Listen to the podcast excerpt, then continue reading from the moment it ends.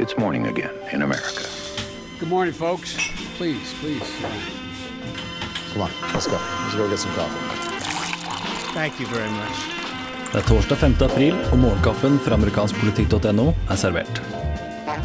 I går signerte president Donald Trump en proklamasjon som sender nasjonalgarden til USAs grense mot Mexico. Og det er ingen detaljer her som går på kostnader eller antall personer, men det står at i løpet av 30 dager så skal Homeland Security Secretary, dvs. Si Kirsten Nilsen, som leder Sikkerhetsdepartementet, at hun skal komme med en slik rapport, eller en action plan som den omtales, med anbefalinger om hva som skal gjøres. Og Nevnte Kirsten Nilsen uttalte seg i går i Det hvite hus, og hun sa bl.a. at hun har snakket med de ulike guvernørene for å prøve å komme fram til hva de her skal gjøre. Jeg kan høre litt av hva hun hadde å si i går. In the meantime, the president directed the National Guard personnel be deployed to the southern border.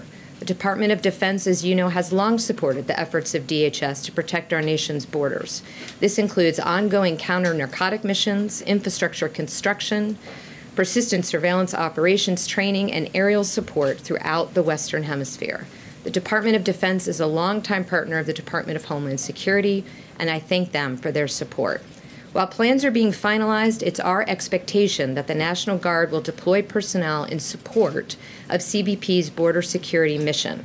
It will take time to have the details in place, but we are beginning today and we are moving quickly. Så kan det nevnes her at president Barack Obama i 2010 også sendte nasjonalgarden til grensen, og at det i dag er flere fra nasjonalgarden som er stasjonert langs grensen i flere delstater. Det er flere som er urolig for en mulig handelskrig mellom USA og Kina, og hva det kan få å si. Men Larry Kudlow, Trumps nye økonomiske sjefsrådgiver, mener imidlertid det er Kina som burde få skylden, og at det ikke er snakk om noen handelskrig. Is a trade war? Because that's what the market's worried about. Absolutely not. Absolutely not. And let me just say right at the top number one, blame China, not President Trump because they've been going on for many years. Trump is really the first president to fight back and to uh, put a shot across the bow that stealing intellectual property rights, technology transfers, uh, high barriers, investment limitations, high tariffs. Really um, unfair. Og det som er verdt å understreke er at det foreløpig er en, eh, en, teoretisk handelskrig, der amerikanerne og kineserne begge har kommet med forslag eh, som det nå diskuteres, og man ser på potensielle konsekvenser av det. Dagens utgave av Målkaffen er servert av Anders Høymer og undertegnede Are Togflaten.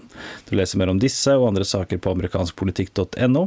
Vi setter som sagt stor pris på alle som har gått til ampol.no kaffetips. Det tar deg ett minutt dersom du hører på hver dag eller et par ganger i uka. Si noen ord om hva du liker og hva du tenker vi kan gjøre bedre. Så kan du bli med i trekningen av en Ampol-kopp som du kan drikke morgenkaffen i. Og så snakkes vi i morgen.